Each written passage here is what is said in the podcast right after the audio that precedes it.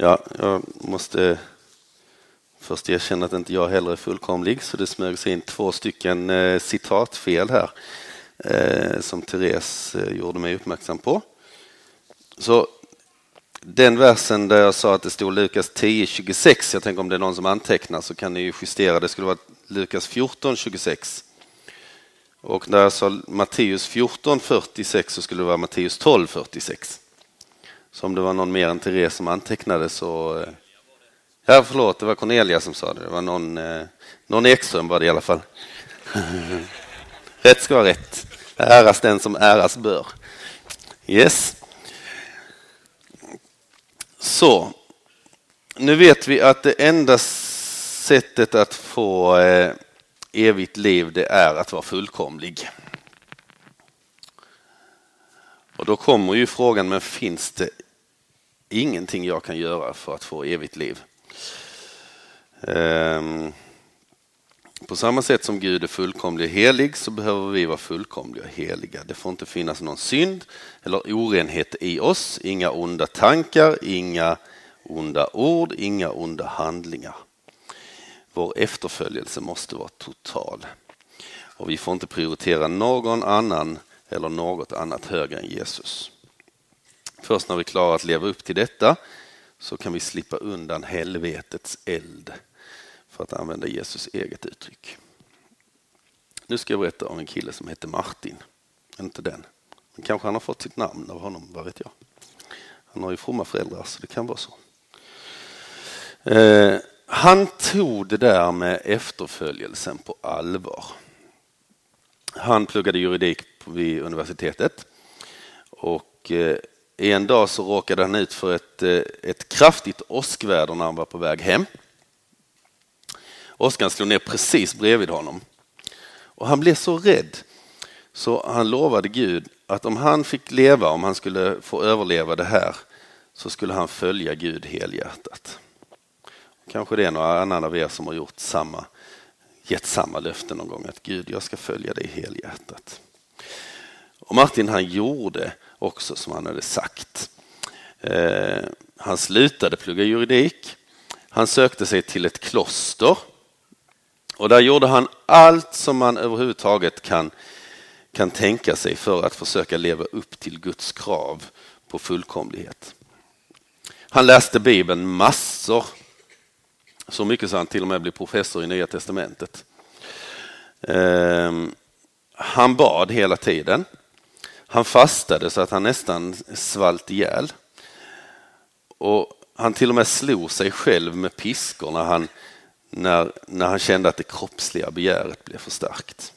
Så han gjorde verkligen allt som man, man liksom kunde göra för att, att bli fullkomlig. Men ingenting hjälpte. Han började mer och mer hata Gud som kunde ställa sådana orimliga krav på en människa. Det kan ju vara någon som kände det också efter det här första passet, att det där är ju helt absurt. Vad är det för en Gud vi tror på egentligen? En Gud som begär att vi ska vara fullkomliga för att få komma till himlen. Martin visste mycket väl att han inte var fullkomlig. Han visste att han var en syndare och ju mer fullkomlig han försökte vara, ju mer insåg han att han var full av synd på insidan. Martin hade förstått det här, att Guds krav är skyhöga och att det är omöjligt för en människa att bli så ren inför Gud att man förtjänar himlen. Han blev helt förtvivlad. Men han fortsatte att söka i Bibeln. Och så hade han blivit lärare i teologi vid universitetet eftersom han hade studerat Bibeln så mycket så han hade blivit professor. Och sen då så fick han en aha-upplevelse när han läste i Romarbrevet. I Romarbrevet 1 och 17 läste han. I evangeliet uppenbaras nämligen en rättfärdighet från Gud genom tro. Vadå, en rättfärdighet från Gud som vi får genom tro. Det var raka motsatsen till vad han hade tänkt tidigare och vad de flesta andra tänkte på den tiden. Han hade tänkt att Guds rättfärdighet, det är någonting som Gud kräver av mig. Han kräver av oss att vi ska vara rena och rättfärdiga och helt fullkomliga. Men här står det tvärtom. Här talas det om rättfärdigheten som en gåva. Och plötsligt så förstod Martin att det är inte Gud som kräver av oss att vi ska vara rättfärdiga, utan det är Gud som gör oss rättfärdiga genom tron. Att vi inte behöver vara fullkomliga i oss själva för att få evigt liv, utan att Gud har benådat oss.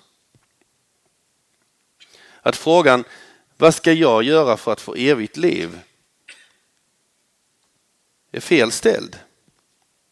Att svaret på frågan är, vad har jag gjort för att du ska få evigt liv?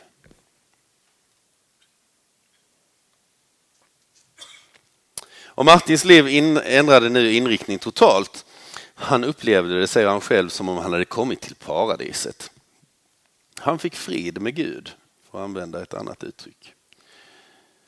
Och han började undervisa på, på universitetet om vad han hade upptäckt. Och fler och fler studenter tog emot Jesus och fick frid i själen. Och samtidigt så började han kritisera kyrkan. För varför undervisar man inte om det här i kyrkan, sa han. Varför kräver man av människor att de ska göra goda gärningar för att bli räddade, för att bli frälsta, när evangeliet i själva verket talar om att Jesus bar våra synder på korset? Att allt är nåd. Martins nya idéer de uppskattades inte av kyrkans ledare.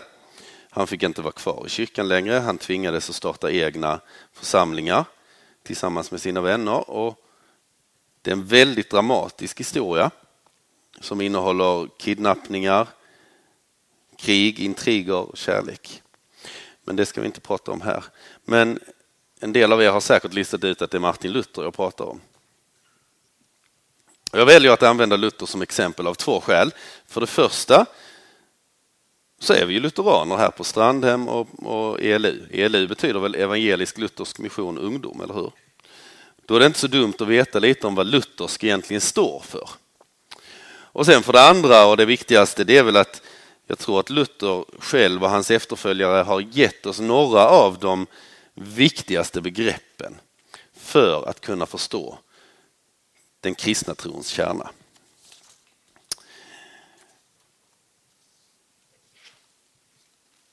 Jag tror att alla som sitter här känner till att Jesus dog på korset och uppstod igen.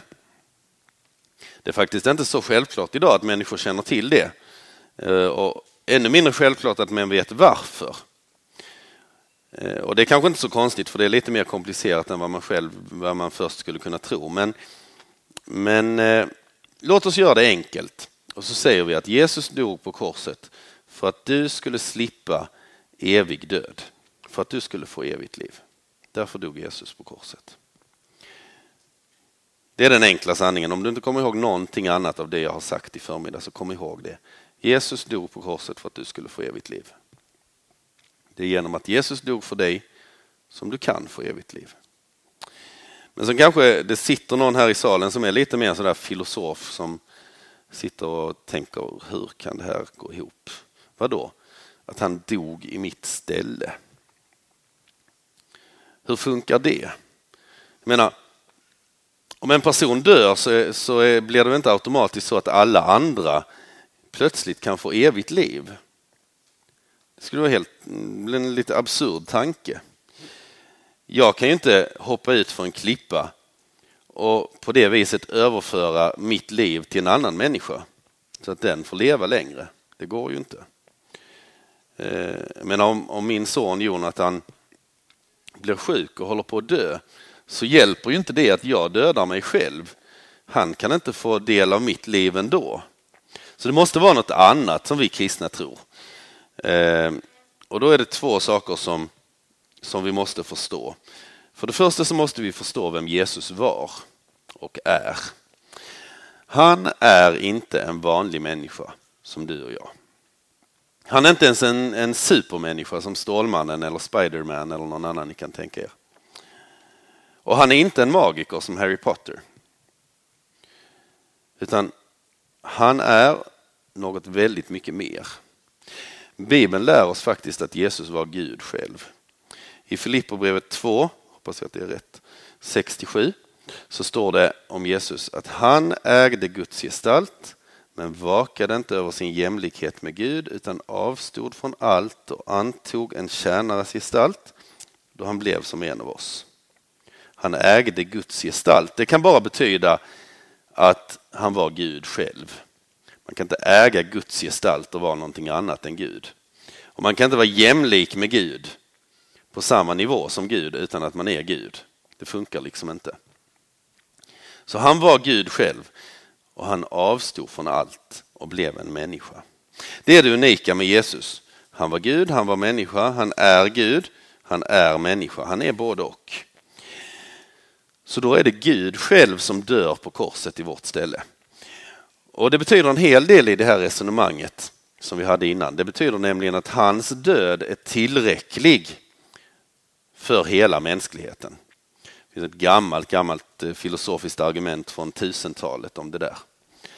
Eh, om det är någon som är intresserad så kan ni leta upp eh, Anselm av Canterbury någonstans. Så hittar ni ett långt resonemang kring det. Det löser fortfarande inte, inte frågan om hur en persons död kan göra att all, andra människor får liv. Så då måste vi förstå vad det är som hindrar oss från att få evigt liv. Det är den andra saken. Och det är synden. Bibeln, i tredje kapitlet så kan vi läsa om hur synden kom in i världen. Det som hindrar oss från att få evigt liv, det är synden. Om synden tas bort så kan vi få evigt liv. Och nu börjar vi närma oss kärnan här. För hur kan synden tas bort? Och det är viktigt. I andra Korinthierbrevet 5.21 så skriver Paulus, och det här är en gammal översättning som är lite mer bokstavlig, det låter lite konstigare också, men den som inte visste av någon synd, honom har han för oss gjort till synd, på det att vi i honom må bli rättfärdighet inför Gud. Okej. Okay. Jesus blev synd, vi blev rättfärdighet. Det är vad det står. Det betyder att Jesus tog alla människors alla synder på sig. Här skulle vi kunna prata om offerteologi, men det har vi inte tid med idag. Kan vi ta något annat puls eller något annat läger. Men Jesus tog alla synder på sig och så tog han straffet för synden, döden, i vårt ställe. Istället fick vi Guds rättfärdighet och vi blev befriade från straffet och fick därmed evigt liv. Det är det lite filosofiska, men, men poängen här är, sug lite på det här. Du är en syndare. Du är värd evig död eftersom du inte kan leva upp till Guds krav på fullkomlighet. Jesus är rättfärdig, ren och helig. Han är fullkomlig, han är Gud själv, han är livet själv. Och nu byter han med dig. Han gör ett byte. Han tar din synd, du får hans fullkomliga rättfärdighet. Han tar ditt straff och dör istället för dig. Du får leva. Det är kärnan i den kristna tron. Det är vad Jesus har gjort för dig. Han har dött i ditt ställe så att du får evigt liv. Han har gjort ett saligt byte som Luther kallade det. Det måste vara det sämsta bytet i världshistorien. Eh, han bytte sin rättfärdighet mot din synd. Och han bytte sin död, din död, mot sitt liv. Därför att han älskar dig. Därför att han vill att du ska ha evigt liv.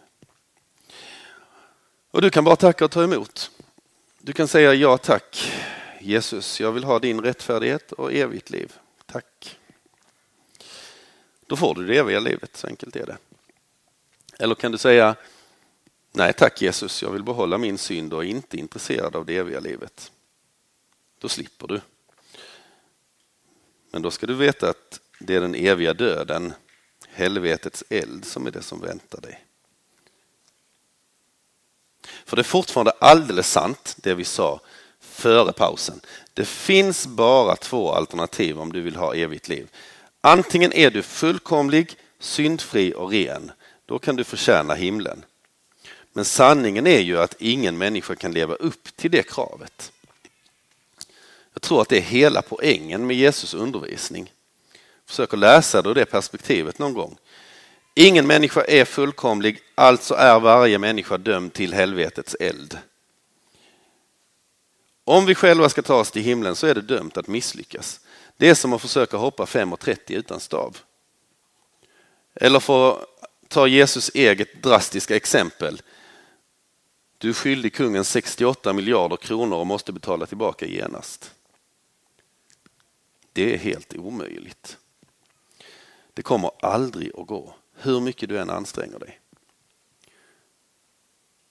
Men så finns det det andra alternativet. Berättelsen om mannen som var skyldig 68 miljarder kronor. Den slutar ju inte där. Det står faktiskt att kungen efterskänkte honom hela skulden. Det är ju helt absurt.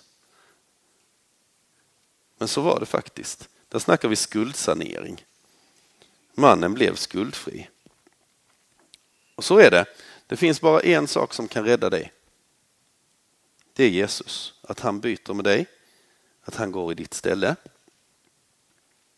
Han har levt upp till de krav som du skulle levt upp till. Han är fullkomlig och har levt det fullkomliga livet. Och nu tar han ditt syndiga liv och du får hans fullkomliga liv. Nu tar han din död och du får hans liv. Nu tar han ditt straff i ditt ställe. Och nu gör han ett saligt byte med dig.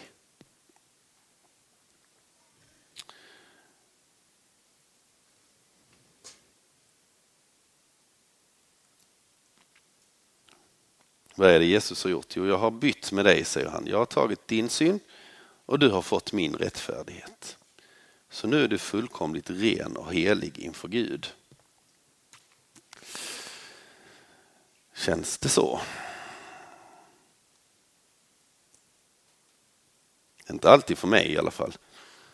Känner ofta att man misslyckas. Jag misslyckas hela tiden. Man skulle ju kunna tänka annars att nu är, nu är vi rena och fria och nu är livet lätt att leva. Men tyvärr är det ju inte så enkelt. Man skulle kunna tro att när vi är rena och rättfärdiga inför Gud så finns det inte något ont i oss längre. Men Paulus talar om det kristna livet som en kamp. Romarbrevet 7.19. Det goda jag vill, det gör jag inte. Men det onda som jag inte vill, det gör jag. Till och med Paulus dras mot det onda. Trots att han just har talat om att vi är rättfärdiga inför Gud genom tron. Och det är just så som Luther uttrycker det. Vi är samtidigt rättfärdiga och syndare. Vi är både och. Det pågår en strid inom oss mellan det goda och det onda. Och det hjälper oss att förstå varför vi så ofta dras bort från Gud, trots att vi vill vara kristna. Det finns en kamp inom oss. Som kristna vill vi ju så gärna följa Jesus. Vi vill göra det som är gott och rätt, men vi misslyckas ju ständigt. Vi faller för frestelsen. Eller så lyckas vi inte leva upp till det som vi har föresatt oss. Vår efterföljelse är inte så där speciellt lyckad alltid. Så tänker jag att jag ska gå upp lite tidigare på morgonen och be. Det är säkert bra. Och så gör jag det en morgon. Eller två morgnar. Tredje morgonen försover jag mig. Fjärde också. Och så ser jag på mitt kristna liv och så tänker jag att jag är ju bara ett enda stort misslyckande, ett stort skämt. Hur kan jag vara kristen? Inte kan väl Gud ha med mig att göra? Som inte ens klarar av att disciplinera mig så mycket så att jag kan gå upp tio minuter tidigare på morgnarna för att hinna ha andakt. Kom du ihåg att du är i gott sällskap. Både Paulus och Luther de, de slet med det här. De hade det på samma sätt. De kämpade med synden i sina liv. Som ständigt drog dem bort från Jesus. Det de ville göra det klarade de inte av. Det de inte ville göra det gjorde de. Men de visste att det fanns bara en enda plats att gå till, nämligen Jesus kors. När vi misslyckas så är det till Jesus vi får gå. Vi får ta emot av hans förlåtelse. Vi får resa oss upp igen och göra ett nytt försök. Det är inte fel att ha andakt tio minuter tidigare på morgonen. Så gör ett nytt försök. Men när du misslyckas, för det kommer du göra, så får du komma tillbaka till Jesus hela tiden. Så får du bekänna din synd, så får du ta emot nåd och så får du leva i förlåtelsen. Så Jesus svarar oss att, att vårt misslyckande det är för att vi, vi är samtidigt rättfärdiga och syndare. Du är ren inför Gud, men du kommer att få kämpa med synden hela livet och nu får du leva i min förlåtelse. Det är liksom det som är poängen med den kristna tron. Inte att vi ska vara fullkomliga utan ja, vi ska ju vara fullkomliga men vi ska leva i Guds förlåtelse därför att vi kommer inte att klara av att vara fullkomliga. Eh, vi får ta emot hans fullkomlighet, inte vår egen. Hela vårt liv är en slags både och. Det finns ett annat uttryck som ofta används, är redan nu men ännu inte. Eh, det blev en slags slagord för lutheranerna trosrörelsen drog fram genom Sverige på 80-talet. Ehm, för I trosrörelsen och Livets Ord så hade man vid den tiden ett väldigt fokus på redan nu. Man menade att Guds rike redan nu är här i sin fullhet. Att vi har allt i Kristus. Att det bara att ta emot i tro. Vi kan få rikedom, helande och framgång bara vi tror rätt. Och så hade man ett, ett totalt fokus på att redan nu så får vi leva det himmelska livet här på jorden. Och förväntade sig att Gud skulle svara positivt på alla våra böner. Och så finns det de som har ett fokus på ännu inte. Jag har säkert mött dem också någon gång.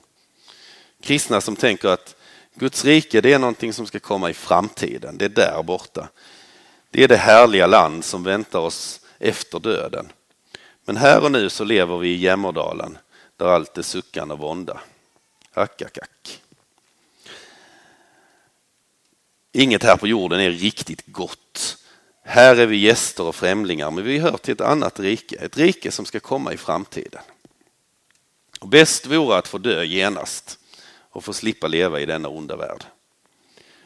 Så blir det fullständigt fokus på ännu inte, på det som ska komma. Men jag tror att sanningen är redan nu, ännu inte, både och. Som lutheraner så erkänner vi både och. Vi tror att Jesus Kristus och kyrkan, i Jesus Kristus och kyrkan så är Guds rike här. Närvarande i vår värld. Guds rike har brutit igenom. Vi kan förvänta oss underverk och vi kan förvänta oss bönesvar. Men ännu är det bara ett provisorium. Guds rike kommer att komma i full härlighet när Jesus kommer tillbaka och då blir allt fullkomligt. Nu lever vi i en slags försmak av det som ska komma. Redan nu är Guds rike här, men ännu har det inte kommit i sin fullkomlighet. Den dagen ser vi fram emot. Men här och nu får vi förhärliga Jesus och ge honom äran för allt det goda han ger oss. Jag tror det är något väldigt sunt i det här. Både och. Vi lever i ett provisorium. Vi väntar på det fullkomliga. Här lever vi fortfarande i en fallen värld. Det betyder att i Guds ögon är vi fullkomliga och rättfärdiga, fullkomligt rättfärdiga och syndfria och rena. Han ser oss genom Jesus Kristus. Jesus har ju bytt med oss. Men vi lever fortfarande i en fallen värld. Synden är fortfarande en realitet i våra liv. Vi är rättfärdiga men vi är samtidigt syndare. Och så får vi fortsätta att kämpa mot synden i våra liv. Vi får leva i förlåtelsen, vi får ständigt komma tillbaka till Jesus kors och tacka honom för att hans död gäller för oss. Tacka honom för att han har bytt vår synd mot sin rättfärdighet. Så finns det en liten hemlighet till här. Vi kämpar inte ensamma. Vi som kristna har ju Guds ande boende i våra hjärtan. Och I Romarbrevet 8.26 så står det att anden stöder oss i vår svaghet. Så vi har Gud på, sid, på vår sida när vi kämpar mot det onda i våra liv. Han hejar på oss och hjälper oss när vi kämpar. Så kom ihåg att det här är inte någonting du ska försöka på egen hand. Gud är den som gör oss heliga, som helgar oss. Han är den som vill förändra våra liv. Han är den som vill förändra ditt liv. Du ska hålla dig nära Jesus vid hans kors och ta emot hans förlåtelse. Du ska leva i hans nåd. Då kan Guds ande verka i dig och genom dig.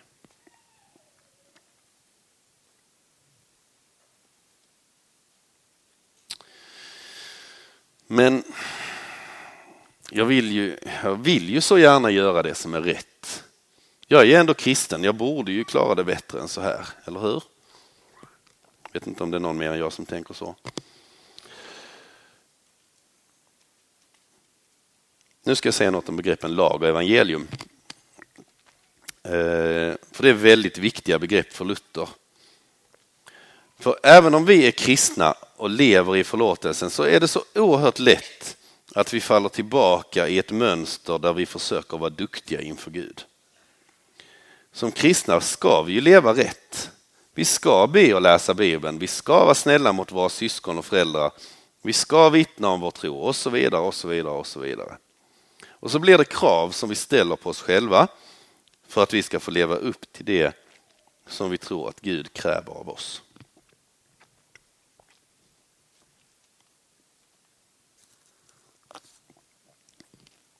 Är ni med eller ni somnar? Somnar.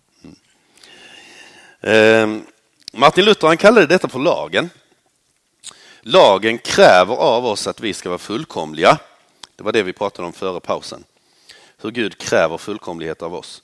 Hur vi ständigt misslyckas när vi försöker göra det goda. Och har du inte upplevt det än så vill jag bara utmana dig lite. Du kan försöka under resten av det här lägret, det är inte så mycket kvar. Så det, det borde du klara av. Ehm, försök att bara göra det som är gott. Hela tiden. Det tycker jag att vi alla ska göra. Eh, det är ju en kristens plikt. Vi ska göra det som är gott. Och, och du ska se att det kommer att påverka dig och andra när du försöker leva rätt och leva gott. Det är väldigt bra. Men jag kan garantera dig en sak. Om du verkligen försöker leva gott och om du är lite sådär, försöker granska dig själv också i processen så kommer du efter ett tag att upptäcka att det inte är så enkelt. Det kan vara enkelt på ytan att inte ljuga och stjäla och mörda. Men under ytan, inne i dig, så finns den syndiga naturen kvar. Det som ständigt försöker dra oss bort ifrån Jesus. Och ju mer du kämpar för att vara god, ju mer kommer du att se vad som verkligen finns inom dig. Det är så det funkar. Guds ande visar det för oss som inte annat. Det kanske går bra ett tag att vara god. Tänker att ja, funkar bra det här.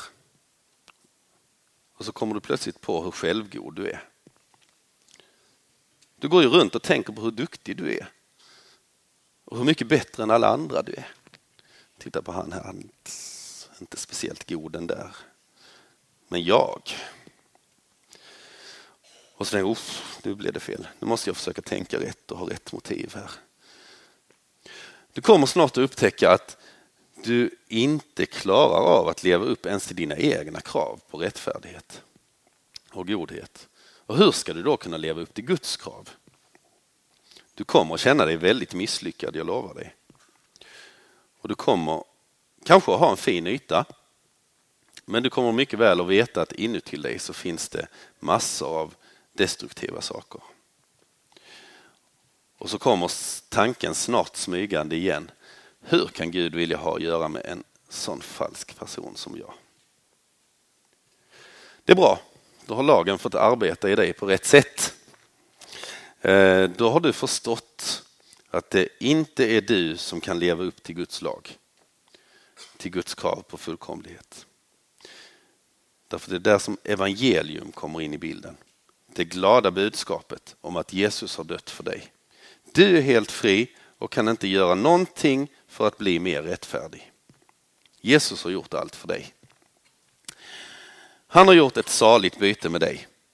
Inför honom är du fullkomlig, ren, helig.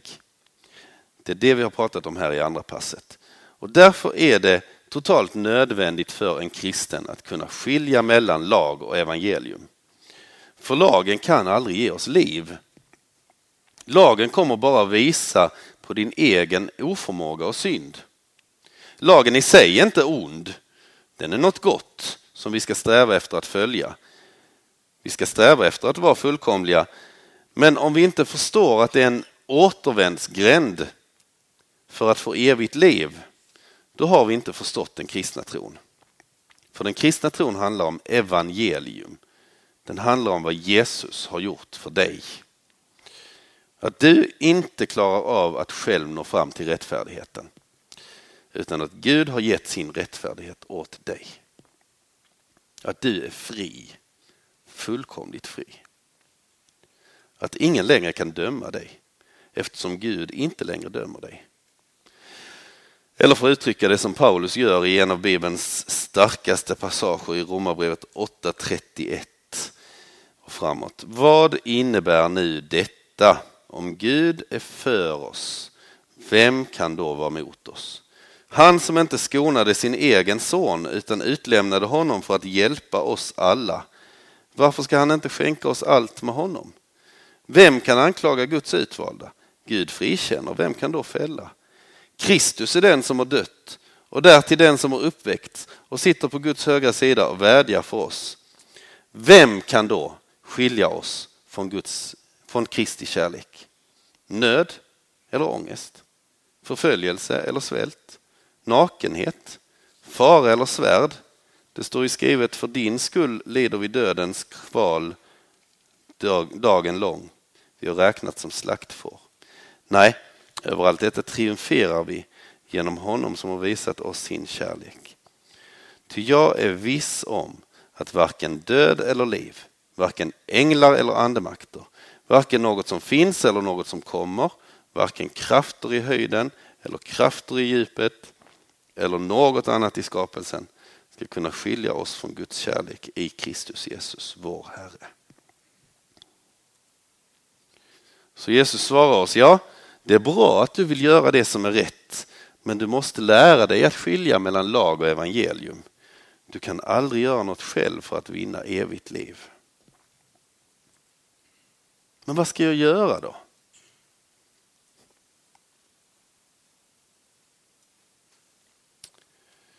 Det viktigaste slagordet för Luther och hans anhängare var ordet endast. På latin sola. Eh, endast eller bara. De allra flesta på den tiden tänkte att för att vara en kristen så krävs det att jag själv bidrar lite ändå.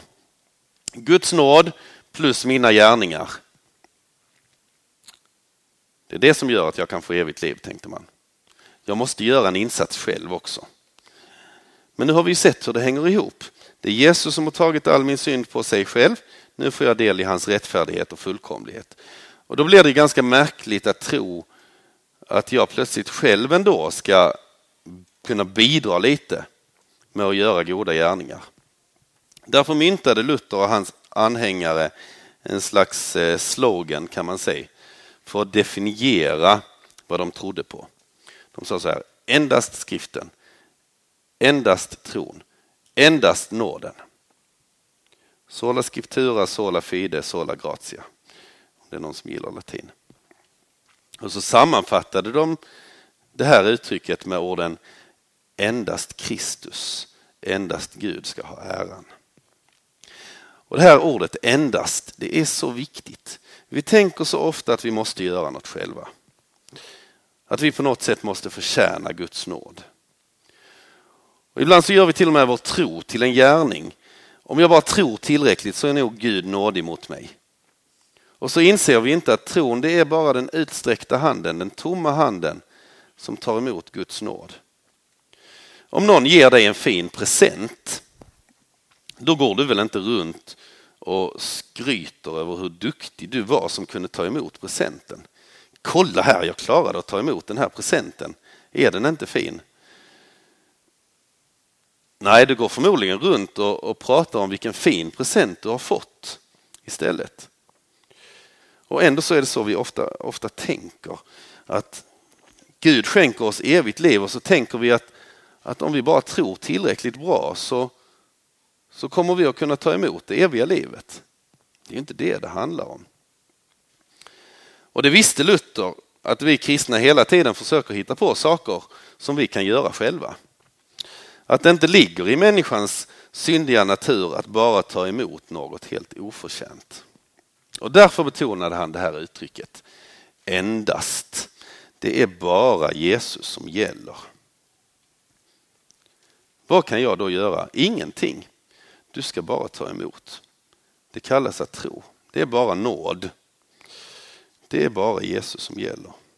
När jag var tonåring så kämpade jag väldigt mycket med, med frågan om jag var en riktig kristen. Jag gick runt och kände att nej, men, jag hade inga sådana stora fantastiska upplevelser som, som en del av mina kompisar. De kunde säga exakt när de blev kristna. Och det kunde inte jag. Men så en dag så läste jag en vers i Jesaja 43 och 25. Och för mig blev det en sån där aha-upplevelse. Det står så här, jag, jag är den som utplånar dina överträdelser för min egen skull. Och dina synder kommer jag inte mer ihåg. Det är en otroligt stark vers om hur total förlåtelsen är. Plötsligt så insåg jag det, att Guds förlåtelse är total. Han till och med glömmer synden. kan tänka det, den allvetande. Och så glömmer han min synd. Jag förstår att det beror inte ett, ett enda dugg på mig. Att allt beror på vad Jesus har gjort. Det beror inte på vad jag känner. Eller vad jag kan leva upp till. Jag förstår att jag inte själv klarar att leva upp till Guds krav, att jag behöver Jesus. Att jag får vara kristen, det beror helt och hållet på vad Jesus har gjort för mig. Hur är det med dig? Behöver du Jesus?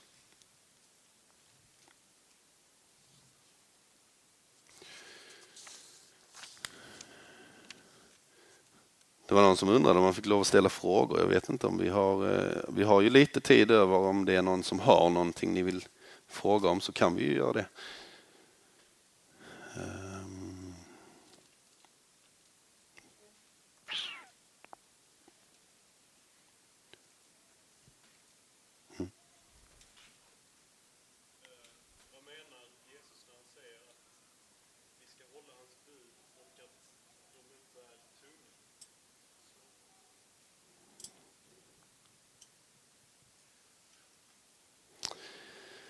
Ja, vad menar Jesus när han säger att vi ska hålla hans bud och att de inte är tunga, att de inte är svåra? Eh, mycket bra fråga. Jag tror man måste sätta det i perspektiv med det jag har sagt här sist. Att, att eh, vi, alltså, vi ska hålla hans bud. För, för poängen är ju inte att ja, men nu, nu är allt nu har Jesus gjort allt för mig, nu kan jag göra precis vad jag vill. För då, då, blir, det, då blir det fel. Eh, det kallas att synda på nåden. Och det, det skriver Paulus om. Att det där var inte rätt sätt att tänka, utan det är ju tvärtom. Nu har Jesus gjort allt för mig. Wow! Det är någonting som förvandlar mig, jag vill göra någonting för honom. Men det där det liksom är viktigt att skilja mellan lag och evangelium. Så jag tror, tror det är egentligen det han pratar om. Att nu när han har gjort allt för mig så får jag gå i hans, eh, i hans vilja. Och så har vi fått en helig ande som, som hjälper oss. Det betyder inte, jag tror inte det betyder att vi inte kommer att kämpa. För det kommer vi att göra många gånger med, med det som finns inom oss. Eh, och det gör vi. Men det betyder att vi får komma till honom och, och låta honom bära bördorna tillsammans med oss på något sätt. Ehm, utan att ha, ha tittat på den versen sådär alldeles specifikt väldigt noga så skulle jag tro att det är det han menar. Martin och Jakob får gärna rätta mig om jag har fel.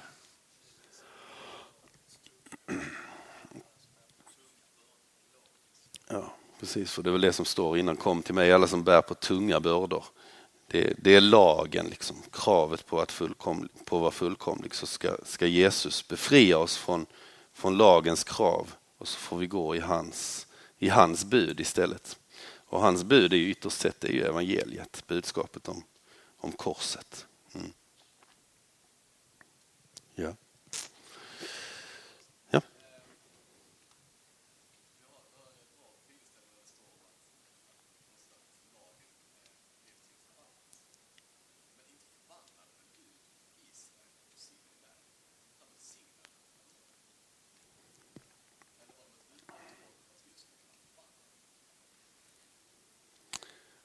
Um, ska vi se om jag kan upprepa den frågan. Um, att lagen blev en förbannelse står det i, i uh, det Paulus som säger det tror jag. Och uh, frågan var, är det, är det så att, att Gud förbannar Israels folk uh, när han ger dem lagen? Ungefär så va? Ehm, och, och alltså det, det jag tror vi måste förstå är att lagen är någonting gott i sig. Eh, Gud gav Israels folk lagen därför att, att de skulle bli ett, en slags mönsterfolk för andra. Som kunde se på dem och se att Gud verkar genom det här folket och på det viset lockas till att, att eh, möta Israels Gud. Så jag, tror, i lag, jag tror inte Paulus poäng är att lagen i sig är, är förbannad eller en, eh, en förbannelse på något vis i sig själv.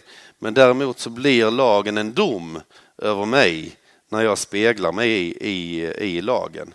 Um, så det, det, är snarare jag som blir förbannad, så att säga, inte arg utan förbannad av Gud.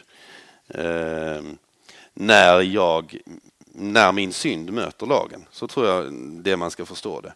Jag satt och tänkte när jag åkte hit i bilen att man kan ta exemplet med Svea rikes lag. Det är ju någonting gott att vi har lagar och regler i vårt samhälle. Men för den som lever ett, ett kriminellt liv så, så, kan man ju gå runt och tänka att usch, den där lagen, det, det är något alldeles förskräckligt och hemskt. Men då har man inte förstått att det är man själv som är problemet och inte lagen. Och det, det, är, det är nog så man ska tänka. Det är vi som är problemet, vår synd. Det är inte lagen i sig. För den, den, eh, den är ett uttryck för Guds vilja och Guds krav på fullkomlighet. Mm.